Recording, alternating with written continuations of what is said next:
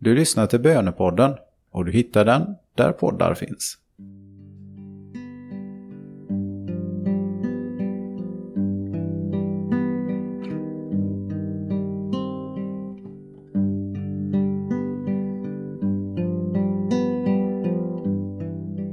Tid och tystnad. Ständiga bristvaror i vår kultur. Ständiga bristvaror i våra liv. Men Gud är en vän av tystnad. Och Gud är Herre över tid. All tid. Din och min också. Bara den som tar tid, har tid. Så ta nu tid till att lyssna till Guds ord i tystnad och be om vägledning.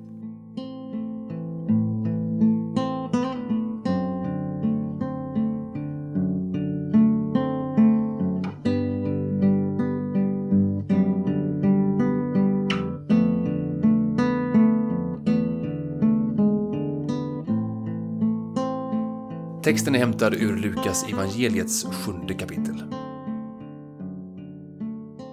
Jesus begav sig till en stad som heter Nain och hans lärjungar och mycket folk följde med honom. Just som han närmade sig stadsporten bars det ut en död. Han var ende sonen och hans mor var änka. En stor skara människor från staden gick med henne. När Herren såg henne fylldes han av medlidande med henne och sa Gråt inte. Sedan gick han fram och rörde vid båren. Bärarna stannade och han sa Unge man, jag säger dig, stig upp. Då satte sig den döde upp och började tala och Jesus överlämnade honom åt hans mor. De fylldes alla av fruktan och prisade Gud och sa En stor profet har uppstått bland oss. Och Gud har besökt sitt folk. Detta tal om honom spred sig i hela Judeen och landet däromkring. Någon har sagt att det bara finns två saker i livet vi inte kommer undan. Två saker som vi alla förr eller senare måste göra. Och det är att dö och betala skatt. Redan vid fyra års ålder blir människan medveten om sin egen dödlighet och vi kan ställa oss frågan varför måste vi veta det? Varför måste vi av alla jordens arter veta om det? Tror du att Gud kanske har en mening med det? Vad tänker du?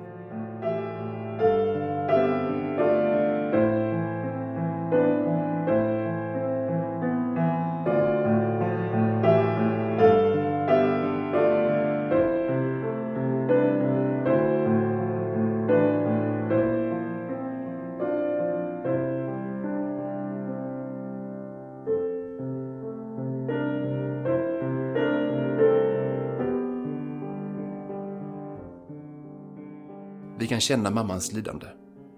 Vi kanske kan känna hennes förtvivlan av att förlora sin son. Det ska inte gå till så här. Världen vi lever i är en värld där just sån tragedi kan förekomma. Kanske har du själv svåra erfarenheter av svår förlust i ditt liv. Det står att Jesus fylls av medlidande. Vår Herre är inte likgiltig hur vi än ser på Kristi kors så måste vi nog tillstå att Herren inte är likgiltig för världens smärta. Hur känner du om detta?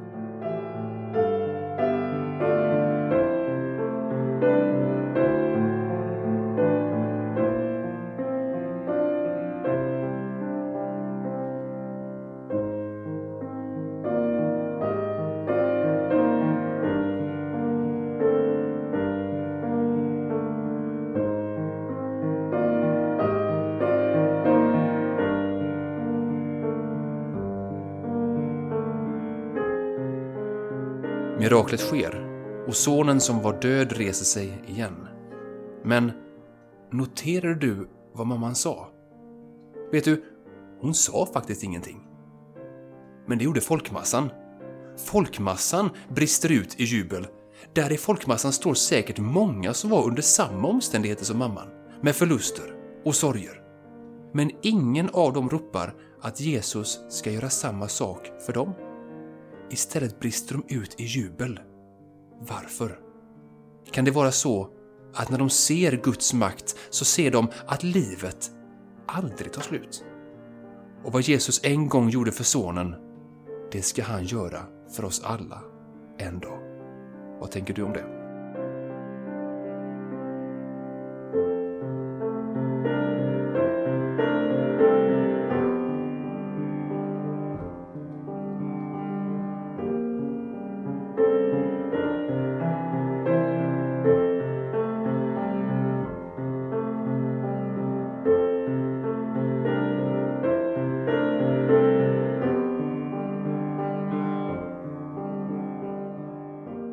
Vi lyssnar till texten en gång till.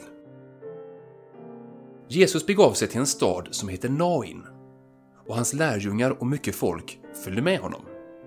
Just som han närmade sig stadsporten bars det ut en död.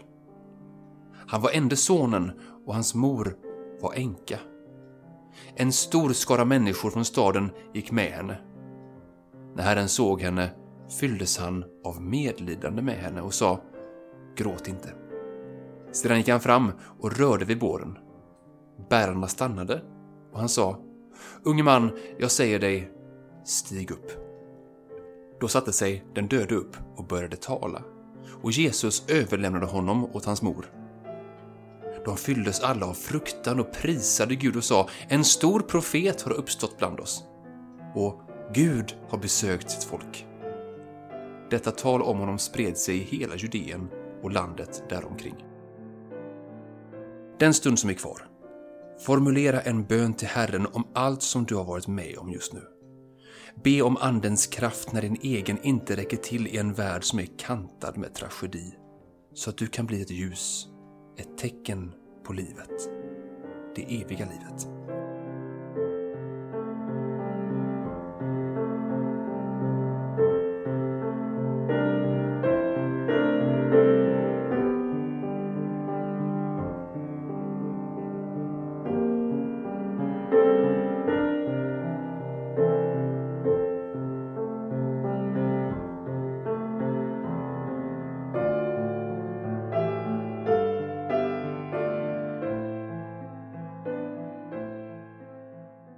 Ära vare Fadern och Sonen och den helige Ande, så som det var av begynnelsen, nu är och skall vara, från evighet till evighet.